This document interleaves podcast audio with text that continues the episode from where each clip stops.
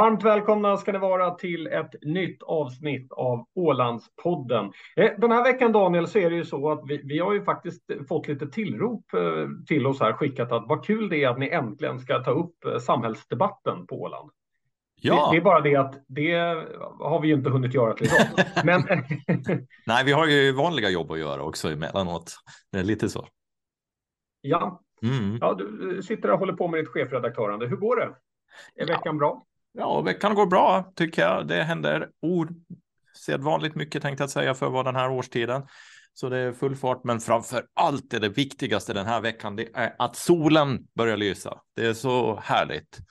Ja, det, det är kanske det viktigaste. Det, är det, faktiskt, det, har varit, det har varit ganska mörkt, om man, om man uttrycker enkelt.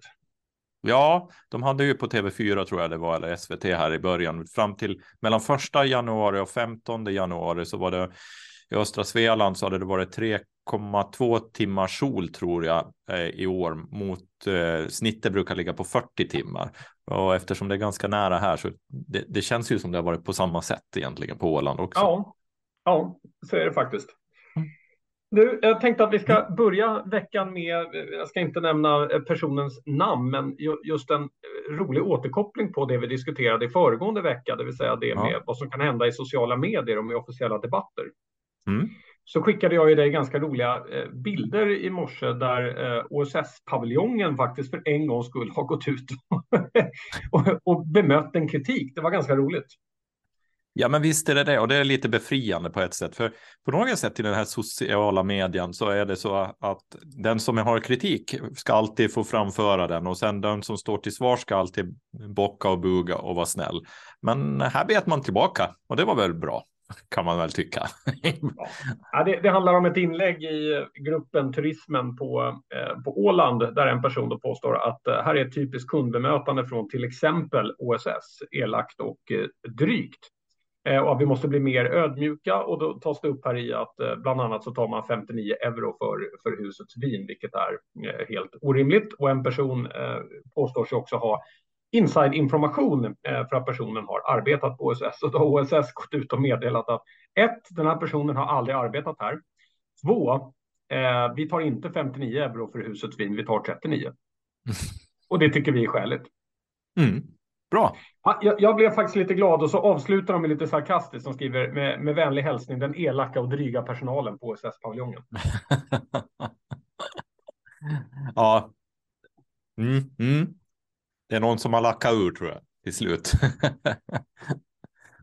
Normalt sett när man jobbar med mediestrateger och sånt här så säger man ju alltid att man ska aldrig bemöta sådana här förfrågningar överhuvudtaget. Men mm. Eh, jag, jag, måste säga här att jag, jag håller på OSS i, i den här frågan. Jag, jag, tycker ändå att det är bra att man måste få lägga faktan eh, rätt. Ja, ja, ja. Ja, ja, alltså du måste ju, det är så mycket hittepå där ute ibland så hälften skulle rätta räcka och, och det är ju så att jag menar som företag eller organisation i stort så är det ju svårt att hålla, bara, hålla koll på och, och berätta fakta och hur det egentligen är. Eh, och sen är ju många individer, jag säger inte det här fallet just, men många individer på, på, på de sociala mediekanalerna är inte intresserade om vad fakta är, utan många gånger så är man bara intresserad att få kasta lite paj. Det är viktigare och vi ska, vi ska ju komma ihåg också att många går igång på det där och tycker att det är jäkligt skoj att reta upp andra. Och de har ju liksom Hoola Baloo, de eh, kalas på, på sociala medier. Ja, tänk om man skulle besvara allting som skrevs om en i sociala medier. Då skulle man ju ha något annat att göra, tänkte jag säga. Riktigt så illa är det ju inte. Vi, vi är inte Sean Connery, men, eh, nej, men det nej. finns en hel del kommentarer. Det finns alltid kommentarer och det må väl vara det. För jag tror att den, i de flesta fall så är det ju nog så att man behöver plocka upp en spegel och fundera varför skriver jag det här? Varför måste jag göra det här? Vad är det egentligen som bråkar? När man mm. känner behov av att, att vara på det sättet. Så är det, men nu i alla mm. fall så startar nyhetsrundan. Så här kommer lite musik och sen blir det nyheter.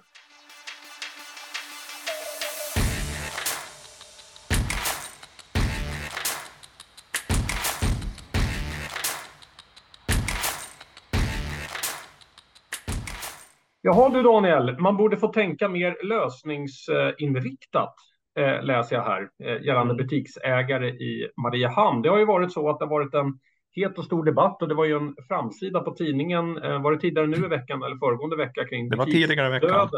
Ja. ja butiksdöden i, i Mariehamn och vi kan väl säga med att, att det första obvious saken som jag tror att du och jag diskuterade första gången vi träffades var ju naturligtvis att i och med att, eh, att Maxing och allting sånt har öppnat så kommer det bli väldigt tufft för eh, butikerna i, i stan. Och nu har det blivit en väldigt stor och aktiv eh, debatt de senaste dagarna här kring butiker som stänger och, och så vidare. Vad, mm. vad tänker du?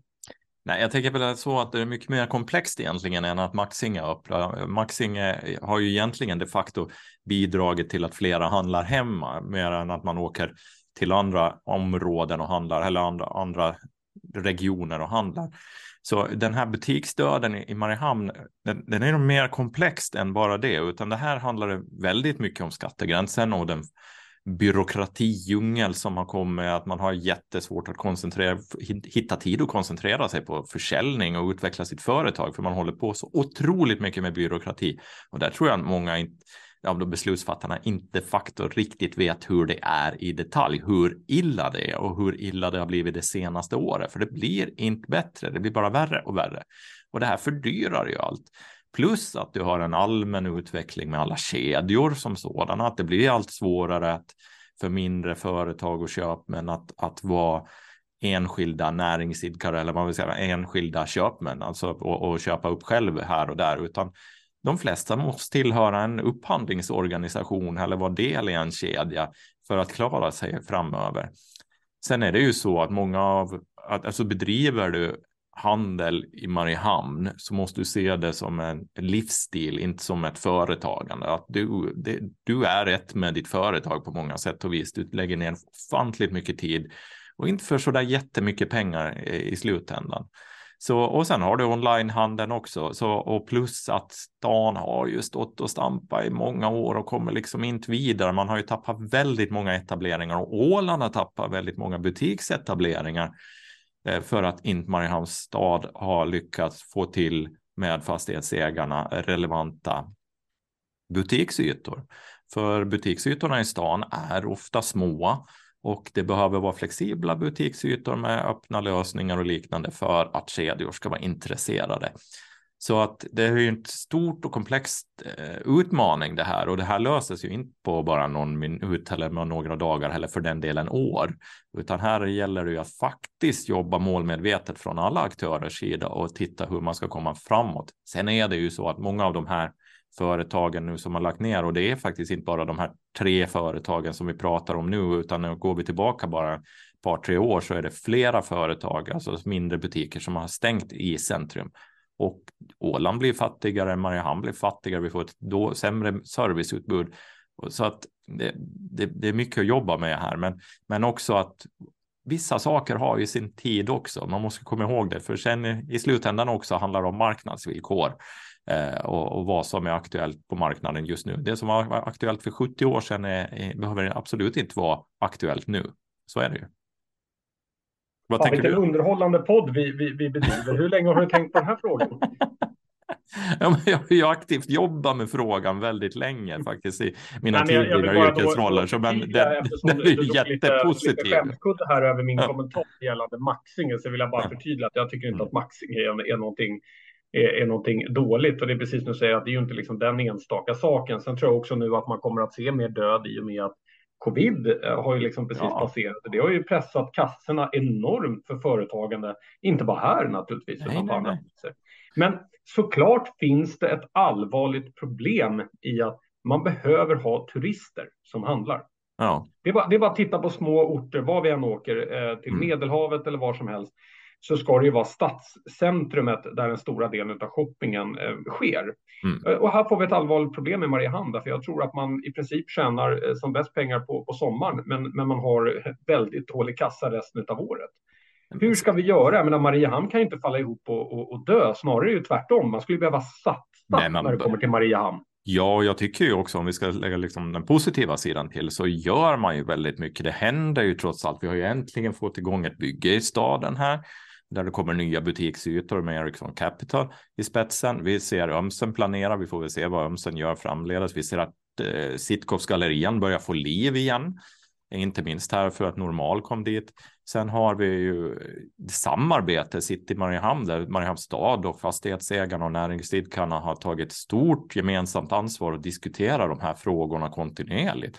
Så att jag menar, man har ju lagt grunden och man satsar ju trots allt på att bli eh, årets stadskärna i Finland. Så på det sättet så har ju det här kanske varit ett litet bakslag, men att man, man försöker ju och jobbar på och det, det är ju en stor, stor framgång med tanke på hur det har sett ut bakåt i tiden. Men, men sen är det ju så också som jag tror rent politiskt så måste många politiker börja fundera, fundera kring eh, liksom sin kunskapsnivå kring de här frågorna. För eh, det är lite nu och då man hör statspolitiker som, som, som eh, fäller kommentarer kring butiksägande butiksägande, fastighetsutveckling och de har de facto inte kunskap i frågorna, aldrig jobbat med, de har inte liksom aktivt sök kunskap kring de här frågorna. Man behöver faktiskt ha den här dialogen kontinuerligt och lyssna in varandras behov för att komma vidare. Så där finns det nog mycket att göra ännu, tror jag. Mm. Mm. Ja, sagt, det känns som att du var väldigt förberedd på, på den här frågeställningen i alla fall. ja. hur, hur, hur, kommer det se ut om tio år? Ja, alltså tyvärr, tyvärr så tror jag att det är en lång resa framledes att göra här nu och, och, hur det ser ut om Behöver tio år. Behöver vi nå botten innan vi ställer oss upp igen? Ja, jag tror faktiskt det. Och, och, och problemet är lite som du säger med turismen också, att får vi bara kedjor in på Åland, vilket verkar vara trenden, så blir det inte intressant. Då är inte Åland intressant att shoppa på. Jag kan shoppa Nej. på Normal och Lindex någon annanstans. Jag behöver liksom inte fara till Åland och shoppa. Medan vi vet de facto att det, turister älskar att shoppa i de unika butikerna som finns på Åland men även i andra regioner. Att det är det man vill ha när man väl turistar. Så Åland blir fattigare på det sättet om vi inte har de här lokala mindre köpmännen som driver, för det driver kommers och det har vi ju sett också i liksom under pandemin när vi fick hit turister. Det var många gånger de eh, bolagen eller de butikerna som gick riktigt bra där man har någonting som är unikt för Åland, det vill säga ett unikt utbud som, och en mindre butik. Sen ska vi komma ihåg trenden ändå, trots allt, om vi ser till USA, så finns det ju stora trender som talar för centrumutveckling längre fram också. Men handeln ja. håller på att byta skepnad fullständigt, så att säga vad som händer om tio år blir ju bara vilda spekulationer. Men mycket tyder ju på att du kommer ha mer omfattande e-handel, men du kommer ha mindre lokala butiker där du går in och prövar kläderna och sen så beställer du online kläderna och sen får du dem ja, hemskickade. Det kommer vara mer som showrooms, ja, eh, vilket vi ser exempel av. Du talar ja. om USA, där är ju det väldigt tydligt den trenden. Ja, och där har ju galleriorna och, eller inte galleriorna, men de här stora köpladorna utanför städerna har ju försvunnit. Dem. Mm. Eller försvunnit, ja, jag, men de blir, de, de, liksom trenden går åt andra hållet. Mm. Ja, jag tänker ganska mycket tvärtom. Jag, jag är just en sån här, om vi, om vi tar Åland Distillery som, som ett exempel av, som, jag, som jag var med i. Mm. Anledningen till att vi bytte namnet till Åland Distillery och så vidare var ju just för att kunna få en ökad då försäljning utanför Åland. Mm. Jag skulle ju hävda att Åland har ju en plats här i att kunna göra unika produkter som just är tillverkade och säljs på Åland i mm. allmänhet. Mm. Men vi måste våga också att, att göra det. Ja, eh, lite... Just nu finns inte den ytan och det är oerhört tragiskt faktiskt. Nej, och väldigt många är fokuserade och med all rätt på det de gör för dagen. Alltså det de har väldigt svårt. Vi har ett, vi ett småföretagarsamhälle och det, och det är svårt ja. att, att lyfta blicken, att få tid för det. För du, du ska se till att det är varor i butiken och du behöver betala dina räkningar och du ska serva kunder och, och där liksom sen tar tiden slut. Mycket. Men om någon nu som sitter och lyssnar är intresserad av att skapa en eh, original åländsk produkt så hör av er till oss. Ja, absolut. Det promotar vi gärna. Yes. All right, vi går vidare i nyheterna. Då har du tagit fram en nyhet om, om Estonia och här inser du att så mycket som du kunde tala på senaste punkten kan säkert jag göra om, om det här. Exakt. Eh, framförallt med konspirationsteorier och, och andra saker. Men, men, vi kan väl börja med att man konstaterar att eh, det inte har eh, föregått någon kollision eh, kopplat till Estonia. Nej, och den här nyheten har ju florerat i alla riksmedier överallt också, så att det är ju ingen nyhet på det sättet. Men förhoppningsvis kanske man kan komma till ett avslut i den här frågan nu, för det har varit väldigt mycket konspirationsteorier. Jag tänker nej, den här. Jag, jag, tror inte det faktiskt. Du tror alltså, inte? nej, jag, jag, tror inte det. Eh, och, och, nu ska jag vara väldigt barsk här för, för en gångs skull och, och verkligen uttrycka vad jag tror och tänker. Jag, så här var det för mig. Eh, bara att vi skulle lägga mer pengar på den här utredningen kändes för mig helt weird. Mm. Och man använder ju eh, de anhöriga som ett grepp liksom ja. hela. Men de måste få veta vad som har hänt. Alltså, kom nu ihåg att den första utredningen höll ju på i, vad var det, två, tre år. Mm. Eh, mm. och det var, det var liksom folk från hela Europa involverade i, i den här utredningen. Man kom fram till samma sak då. Mm. Man kom fram till samma sak nu och jag förstår inte ens varför vi la eh, så mycket tid och energi på det. Det kändes nog påtvingat eh, att, att göra det. Mm. Givet de här dokumentärerna som nu dessutom står under eh, diskussion för legala påföljder eh, i och med att de inte har varit riktigt eh, sanningsenliga. Och, men problemet är ju det att jag ser ju hur, vad svaret är i sociala medier. Mm. Konspirationsteoretikerna har ju inte lagt sig på grund av det här. Nu har man ju slagit fast igen att det var precis som vi sa och de säger bara, ja men varför bärgar man inte båten då? Mm. Nej, ni försöker dölja någonting. Ja. Jag, jag tror inte frågan får ett avslut. Nej, det kan mycket väl vara så, men jag tycker det är synd om de stackars anhöriga som ska återigen liksom det här trauma som de har varit med om ska liksom komma upp med jämna mellanrum och bli så intensivt runt omkring dem. De har ju liksom ingen chans att och gå vidare eller? Utan att få det här. Tacka konspirationsteoretikerna för det. Jag, ja. jag inser att jag, jag, är lite tuff idag, men jag må, måste faktiskt säga att det här sättet att se eh, verkligheten på eh, mm. som konspirationsteoretikerna har är ju oerhört skadligt, framför allt för de anhöriga som vi talar om. Och det är de själva som använder dem som gisslan, att nej, men de anhöriga måste ju få veta vad som verkligen hände. Vi, mm. vi vet ju vad som hände. Vi har lagt ja, miljarder på, på mm. den här frågeställningen. Vi vet ju vad som hände. Vad är det egentligen vi tjafsar om? Nej, och sen tror jag faktiskt att det finns ett stort trauma i den estniska självkänslan också. För att man körde och hade inte sakerna i skick och, och det liksom, och Estland var en ny, nytt land och, och en ny nation och ville det, det, tog väldigt hårt på dem och det där har man liksom svårt att acceptera att det faktiskt var på det sättet. Så du har ju inte bara konspirationsteoretiker utan jag skulle hävda också att Estland som stat har jättesvårt att acceptera att det var så här. Ja, men, men så, så, är det. Och, och, och, de har ju till och med gjort eh, politiska utspel som är ganska långt ifrån vad man skulle förvänta sig att, att mm. en stat gör. Men, men för mig är ju den här frågan fullkomligt stängd eh, sedan länge tillbaka. Och jag mm. hoppas ju eh, just när jag tänker på de anhöriga att de faktiskt ska få Eh, sörja eh, sina personer nu, att vi liksom inte ska behöva hålla på med alla dessa konspirationsteorier fram och tillbaka. Mm. Men man ska inte heller glömma bort då att om vi tar JFK som ett exempel, ja. så är det ju alltså efter att eh, eh, filmen kom av Oliver Stone, det var väl i början på 90-talet va? Eh, som handlar om JFK, mm. om den mm. absolut sämsta konspirationsteorin om allting som hade med JFK att göra. så har man ju gjort årliga undersökningar av amerikanska befolkningen, där innan det så var det ju inte en majoritet i USA som trodde att det var någonting konstigt med eh, JFK-målet. Efter att filmen kom så tror mer än hälften av Amerikas befolkning att det var någonting som var skumt med det här.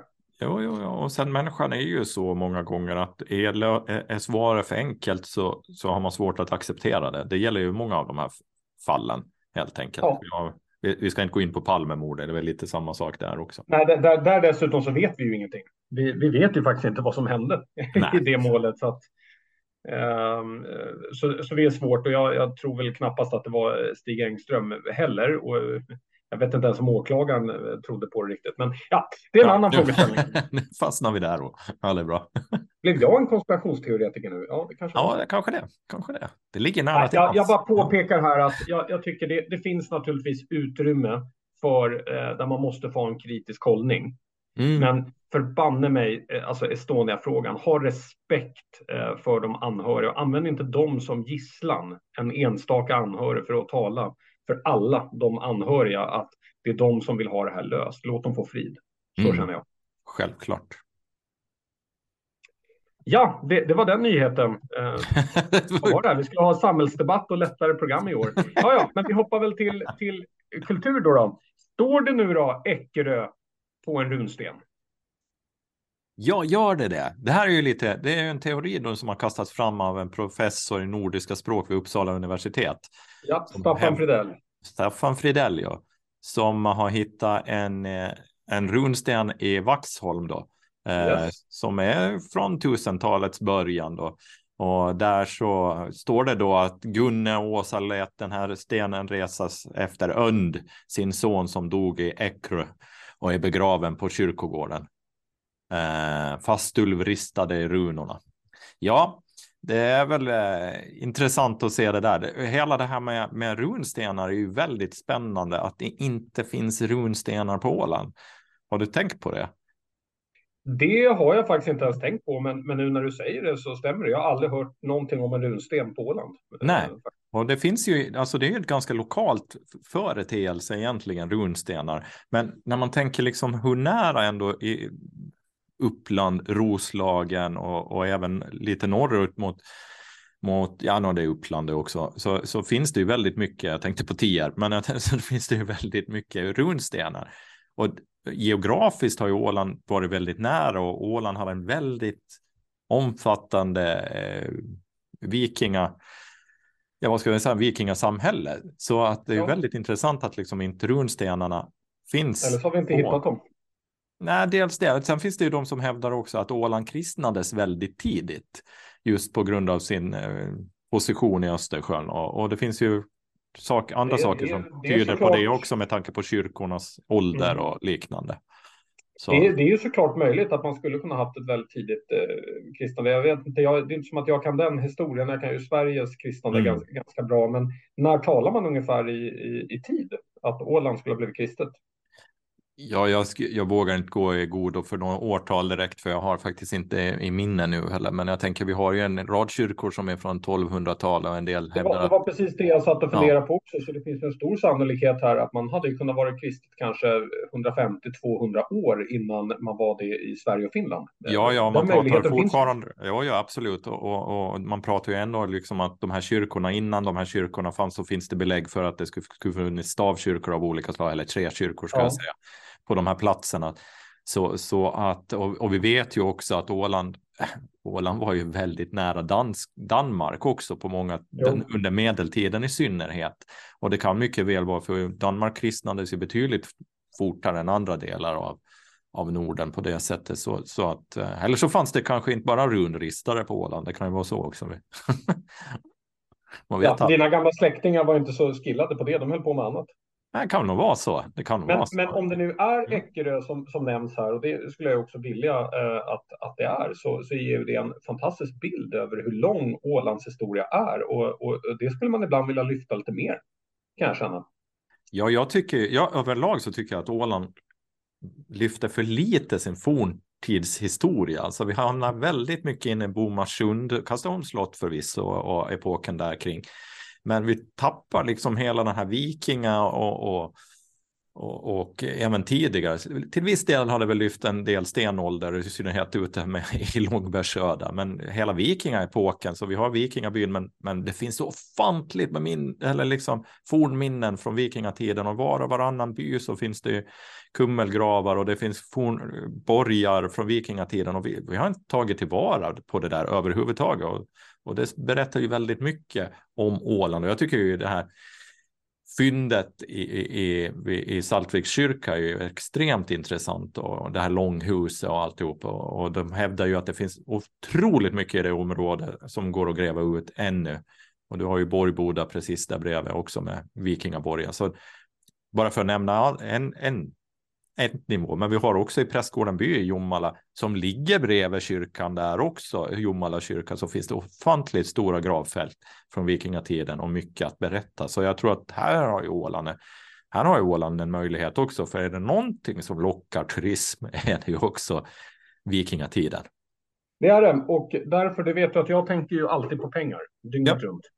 Mm. Så det första jag fick upp i huvudet här är ju, ska vi ringa E-Type direkt och sätta upp en eh, liksom, vikingabar i Mariehamn? Ja, det gör vi. Låt ja. oss ringa E-Type. yes, då har det blivit dags för dagens gäst. Det kommer här.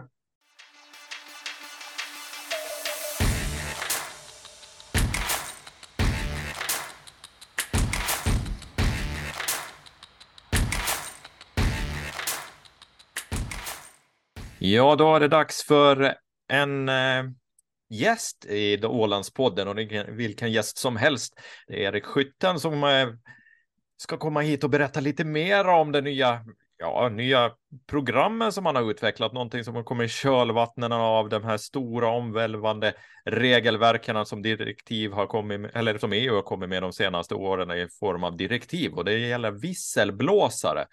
Som från den stora viken i Sund ut i den stora världen. Men vi börjar med Ålandspodden i alla fall. Välkommen Erik Skytten. Mm, tack. Ja, vad är det du egentligen har utvecklat och var kommer det ifrån? Vad handlar det om det hela? No, det handlar ju i grund och botten så handlar det om ett nytt eh, direktiv från EU, alltså ett nytt EU-direktiv om just skyddet framförallt liksom av eh, visselblåsare.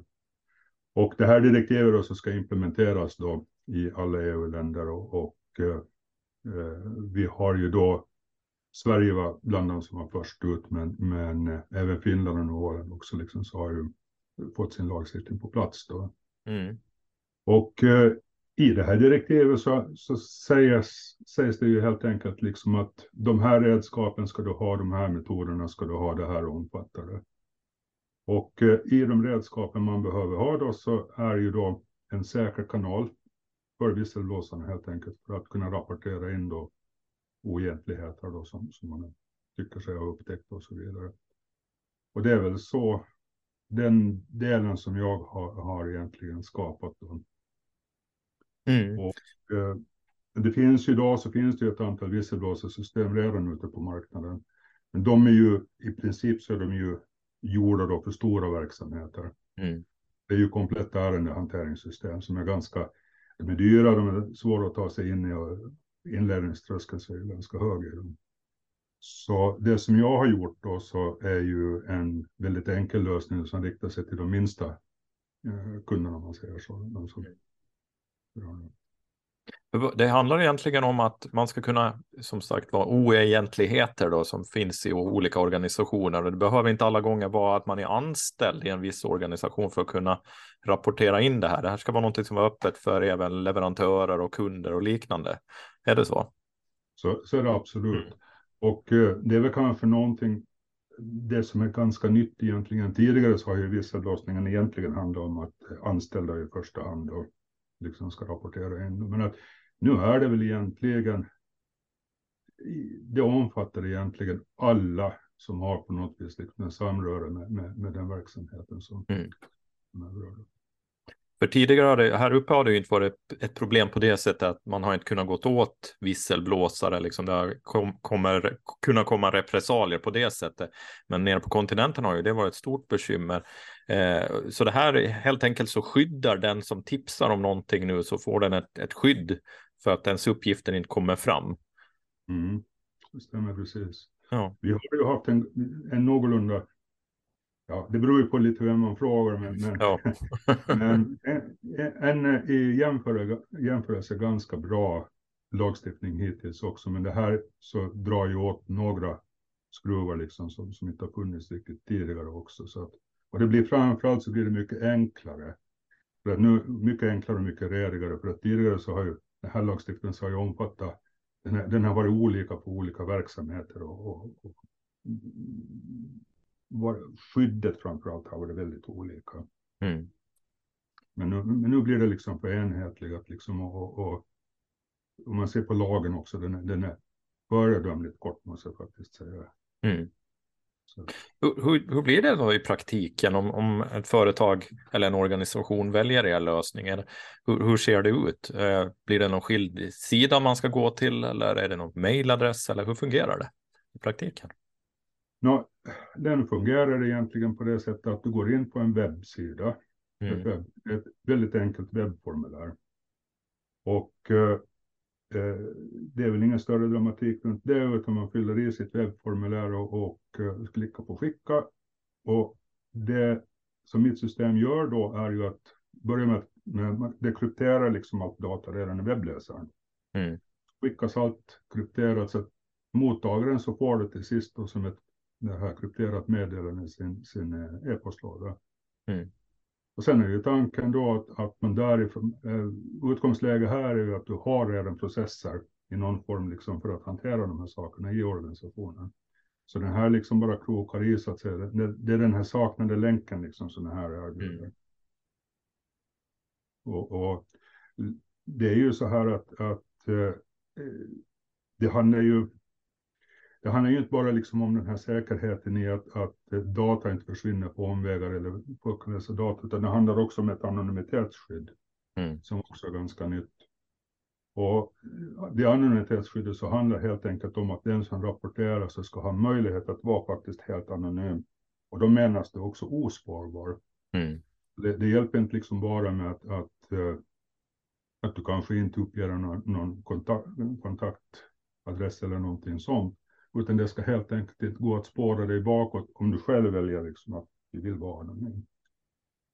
Och, och det är det som man, om man ser den trivial, ganska triviala funktionerna som användare liksom så här, men, men lyfter man på skala här så finns det väldigt, väldigt mycket teknik mm. med specialbyggda servers och, och en massa saker.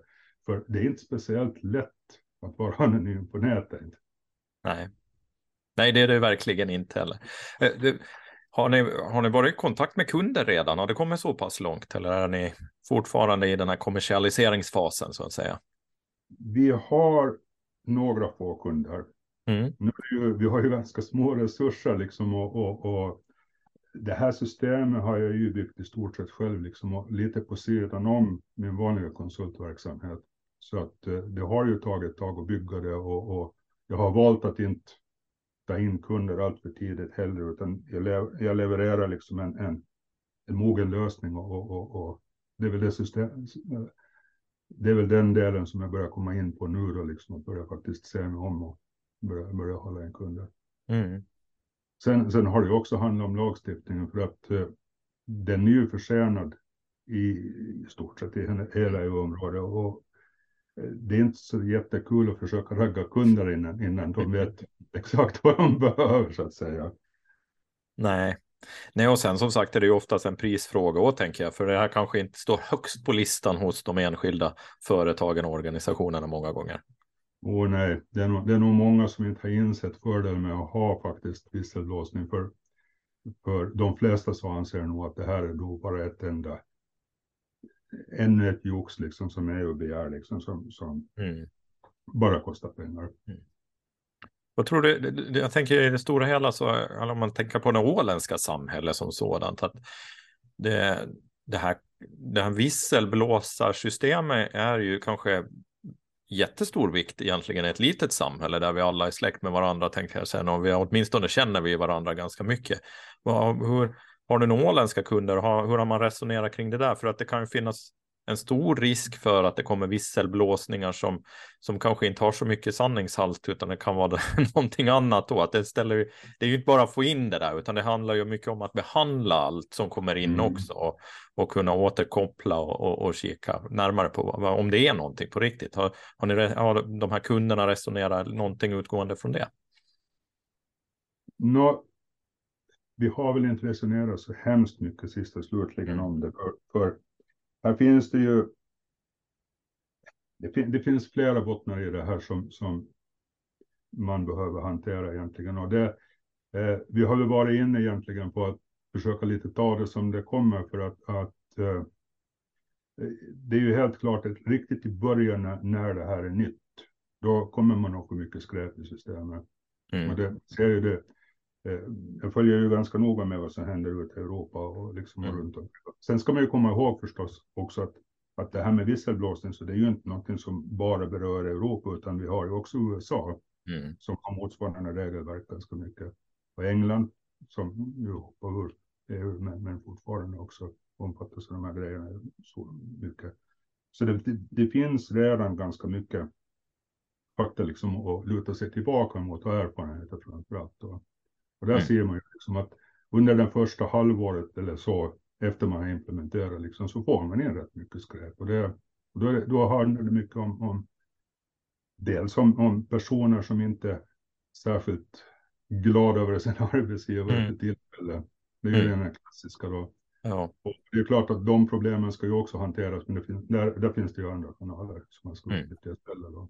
Och då gäller det ju som, som för den som, som har hand om det här, liksom, som ansvarar för det. Så det gäller ju att ha lite fingertoppskänsla där då, liksom, mm. att styra. Kanske inte liksom bara kasta det här i papperskorgen, utan styra det till rätt instans liksom, och, mm. och, och vidare därifrån. Men sen har vi också Okynnest då, sådana som tycker att det helt enkelt är bara kul att Mm. skicka in skräp och så här. Men, men eh, det dör ganska snabbt. Mm. För, för den här att skicka in liksom bara på okynnes liksom så här så. Det är, ju, det är ju ingen dramatik i det här. Det, det, det, det kommer ju inte en massa bilar körande med blixtrande lampor och en massa saker. Utan du fyller i formulär och så händer det liksom ingenting mer. Nej. Så man, man tappar ganska snabbt intresse för det. Så det är kanske lite på samma sätt som att de flesta, eller alla företag ska ju bygga ganska omfattande GDPR-regelverk och hur man hanterar det. Att man var ju även där kanske lite orolig i början att det skulle komma väldigt mycket anmälningar och, och, och begäran av olika uppgifter och att det skulle ta väldigt mycket tid. Men så i och sist så har det ju inte varit så mycket och det kanske är samma sak här också. Att, att den stora massan ändå har tillit till att allt fungerar som det ska. Så är det nog. Mm. Och sen är det ju också upp till då, vi ska säga, den organisationen liksom som lägger upp de här systemen. Så det är ju upp till dem att vara tydliga när de informerar. Det finns Mm. ju också en informations, ett informationskrav i det här direktivet Mm.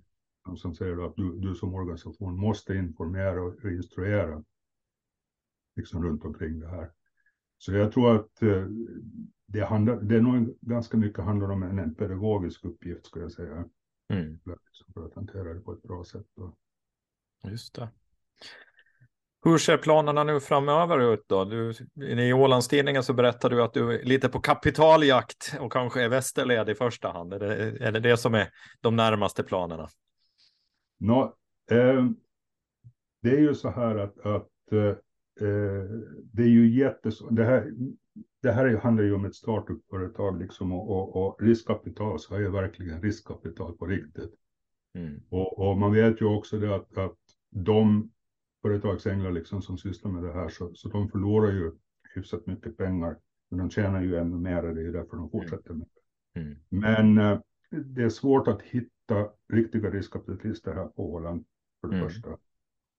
Sen eh, orsaken varför jag går västerut så det är ju helt enkelt därför att de senaste ja, 20 åren säga, så har jag ju jobbat mest på den sidan. och Där är Mm. mina nätverk helt enkelt. Just det. Så det är, det är nästa steg. Hitta kunder, hitta också de som vill vara med på den här resan egentligen då, av, Mm. och, utvecklande av det här bolaget som, som sådant. Om man är intresserad av din, av din lösning och vill veta mera eh, så här till slut, vad, vart vänder man sig då? Vad är enklast? Det allra enklaste så det är ju att gå in på webbplatsen anonform.com. Perfekt, och där får man mera information om man vill komma vidare. Och det finns så mycket information där så ta en stor kopp kaffe innan du slurpar in dit. ja, det är rätt det. Tack ska du ha Erik Skytten för att du gästade Ålandspodden och lycka till med det fortsatta utvecklande av företagar och konsultverksamheten. Tack så väldigt.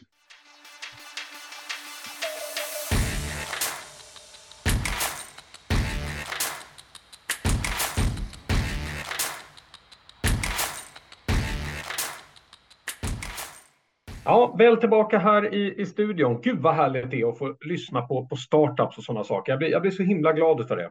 Mm, visst är det roligt för folk som brinner och kör på och ser möjligheter runt hela världen. Ja, det, det är det verkligen. Sen eh, får jag ju säga då, då, och det sa jag till dig när vi talade på telefon också, att det finns ju en viss ironi i att det här nästan kommer ifrån, ifrån Finland som, som nästan ligger längst ner på, på listan över både källskydd och, eh, och visselblåsarlag i hela Europa eh, faktiskt.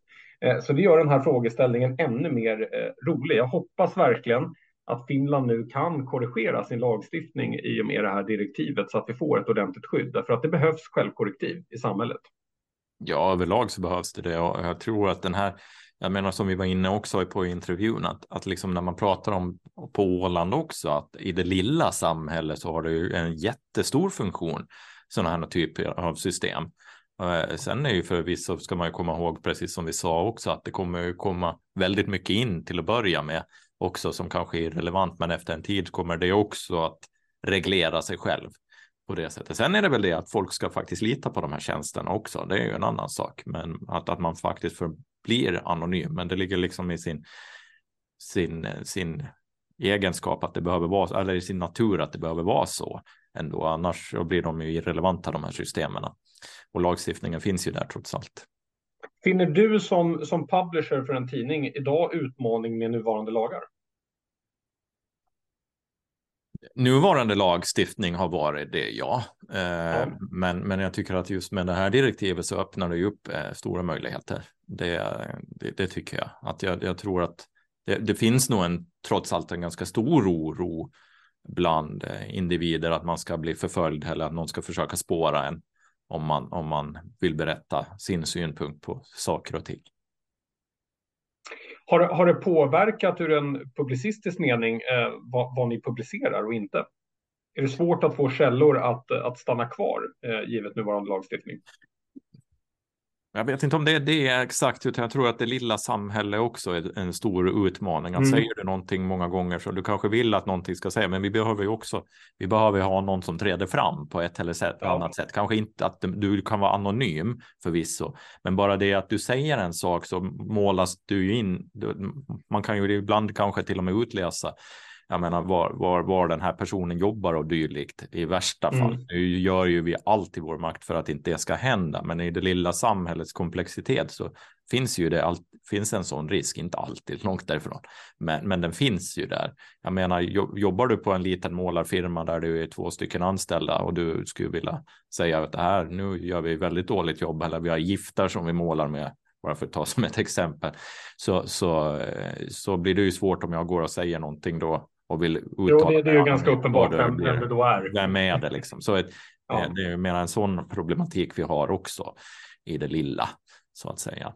Så, så att, och, och vilket gör det utmanande för vår del också många gånger som, som media. Mm. Mm. Det är intressant. Jag, jag, hoppas verkligen att det här kan, för att eh, Folk blir väldigt rädda när man talar om självkorrektiv, men eh, jag kan säga av erfarenhet på väldigt många internationella marknader kan jag säga att det, är bland det viktigaste som samhället har. Mm. För att det bygger över tid demokrati. Ja, ja, ja, det, det, det, det är bara bra. Det kanske det svider lite i början, men sen så det blir bättre. Vi får ett bättre och öppnare demokratiskt samhälle på det sättet. Ja, så är det. All right, ska mm. vi kliva vidare då? Ja. Mm. Då har jag den här eh, fantastiska grejen till dig, att Åland har fått sushifeber, eh, påstås det i alla fall. Mm. Ja, men det är ju väldigt mycket sushi överallt på Åland för tillfället. Jag, vet, jag, jag älskar sushi. Ja, jag med, så jag är helt, helt galen i sushi. Jag, till och med mina små barn tycker om sushi. Så att eh, det, ja. Sen så tror man ju att man är nyttig när man äter sushi, men det är ju bara en tro. Ja, det är väl en tro därför att det är väl ris med socker. Eh, ris med socker och, och, samma sak med fisken ofta, många gånger i alla fall. Ja, men, men, men, det är förbaskat gott. Men mm. hur många sushi-ställen finns det nu då på Åland? Ja, hur många sushi finns det? Har du räknat? Nej, det, det har jag verkligen inte. Jag, jag har bara konstaterat också att eh, det äntligen öppnat lite ställen och så är jag lite glad och nu, nu ber jag om ursäkt här på förhand eh, till alla er som driver thai-kiosker, men jag är väldigt trött eh, på thai. Jag, jag tror inte jag ätit thai på 15 år, eh, för mm. då var det en sån otroligt stor trend i, i Stockholm. Så för mig är det så här att allting som gör att vi breddar eh, kulinariska liksom, utbudet på Åland, det gör mig väldigt glad. Eh, och att mm. sushin har kommit, det, det gör mig mega glad, som jag både tycker om det, men mm. också för att bredda smakerna. Nej men absolut, det, det, är ju så. Och de tar ju faktiskt ut svängarna av de här åländska sushi-restaurangerna också. Det är inte bara vanlig standard sushi, utan de testar och prövar på. Så för oss som är sushi-älskare har det ju blivit riktigt bra. I början när det kom sushi till Åland så, så fanns det ju en sushibuss då som Hasse Holmström och Fredrik Frille Karlström, näringsministern tror jag det bestämt var, som plockade fram den en gång i tiden och då fick ja, man det, det, visste jag inte. Var, det var ju väldigt kul att höra. Alltså, ja. De två i liksom kollaboration hade en, en sushibuss. Ja, det hade de. Okay. Och då fanns det en sushibuss som du kunde gå och hämta sushi från och beställa från. Så det var väl första steget. Och då var det väl kanske inte så hemskt många som åt sushi. Eh, men sen har det exploderat fullständigt mm. och nu finns det ju matvarubutiken också. Okej, okay. ja, mm. riktigt coolt. Jag har sett det på Esset bland annat där vi handlar i Jomala. Mm. Eller för att vara uttrycksfull, där alla på hela Åland handlar. Om man får tro dem själva. Eh, där har de ju liksom öppnat upp med en stor sushibar där man kan handla, handla saker hem till kvällen. Liksom. Det är mm. ganska coolt. Mm. Nej men det är det och, och, du har ju samma sak eh, på de andra, andra ställena också. Du har ju i, i, på Kantarellen har du möjlighet att köpa sushi och, och Sparhallen också, men den är färdigpaketerad då från en lokal sushi-restaurang. Eh, så att nej, och sen har du fina fiskar. Ja, du har hur många som helst. Har du. Så man. Ja. Vi får fortsätta äta sushi bara. Det är bara så. Ja, det, det, det är väl enkelt så.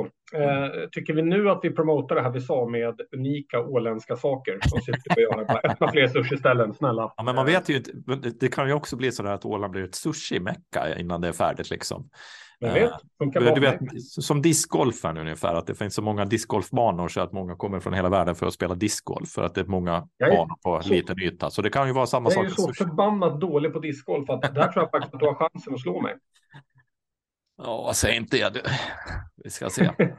vi, vi, kanske borde gå en runda faktiskt. För att ja. det, jag måste säga, discgolf, eh, det, det, är någonting i handleden som inte, inte fungerar. Jag kastar allting snett. Nej, det är väldigt många tredje vägen ibland. Ja. Jag vet, det är irriterande. Mm. Hur som helst, här kommer helgspaningen. Okej, om vi börjar med någonting vi själva skulle vilja sätta upp. Folk och rövare i Kamomilla stad. Mm. Ja, den har jag faktiskt varit och satt upp på Åland tidigare, så det var kul att den kom igen. Det är inte så där hemskt många år sedan, kanske en tio. Okay, jag tänkte säga det, att det är en väldigt klassisk, liksom, det är en sån här som liksom alltid har, har funnits med på olika sätt och vis, mm. både på tv men också i uppsättningar. Jag tror jag har varit sett den i två olika uppsättningar, bland annat i Stockholm. Ja, nej men den, den är en klassiker och, och det är perfekt för barn eh, fortfarande. Och jag tänker, jag gillar reklamen som de har, liksom när de säger vi är ett ganska stort gäng på scen och vi har en liten orkester med oss och vi håller på cirka 45 minuter, eventuellt längre ifall vi lägger till något i texten och eventuellt kortare om vi glömmer bort någon del av detsamma. Ja, jag läste också det. Jag tycker det var jätteroligt. Ja. Uh... Precis som det ska vara. mm. Och den har ju två föreställningar kvar. Eh, det är ju eh, den 27, alltså idag, och den 28, alltså nu i helgen, som man också kan gå mm. och se den här. Absolut, absolut. Otroligt kul. Eh, och du, hur är det sen med DJ Pregame eh, på Arken? Ja, nu är vi ute på villovägar. Va? DJ Pregame ska spela på Arken i nattklubben i helgen. Eh, något mer vet jag inte, tänkte jag säga. Det får stanna Nej, där. men det, det, det, det, finns ju naturligtvis stor ironi i allt det här, därför att du och jag skulle inte kunna en enda låt. Och då, då vet du att du och jag har ju bollat en, en, låt precis som jag har, har skrivit. Och din första kommentar var att den här måste ju vara hämtad från 80-talet. Skriver någonstans hur bra koll vi har på det här moderna. uh. Nej, vi har ingen koll alls. Och jag, nej, faktiskt inte. Och därför borde vi vara där egentligen. Egentligen borde vi vara där och sitta i ett hörn och, och på, på, på, ja, och lyssna. Men, men, du vill ju inte det, för att du vill ju istället gå och lyssna på lite rock. Blacksmith på Park. Ja, det, på Park, på park ja. ja, det ligger kanske lite närmare mig det då. Att faktiskt gå och lyssna på lite, lite pubrock. Och det är väl på lördag det, eller hur? Det är på lördag, ja. Det är det. Och eh, så att och Blacksmith, de spelar ju dessutom 70-80-talsrock då som Whitesnake och, och Thin Lizzy så där. Så ja, mm, mm. ska jag gå ut någon ställen så är det väl dit, men knappast gå ut tror jag. Om jag ska vara helt ärlig. Då måste Nej. jag fixa barnvakt i helgen. ja, så får det väl helt enkelt vara. Men eh, det händer i alla fall mycket i helgen och det är kul. Eh, det är nytt år, eh, börjar komma till slutet av januari och det börjar hända massor av grejer igen. Det känns underbart tycker jag. Ja, det börjar, det börjar kännas vår i luften eller om det är bara dagen sol som gör att man är, känner så. Jag vet inte, men lite. Så va? kan det vara. Ja. Hur som helst, det här är avslutningen av Ålandspodden för eh, den här gången. Vi tackar jättemycket vår gäst som har varit med eh, idag och jag tackar dig Daniel för ett bra program. Tack själv Carl.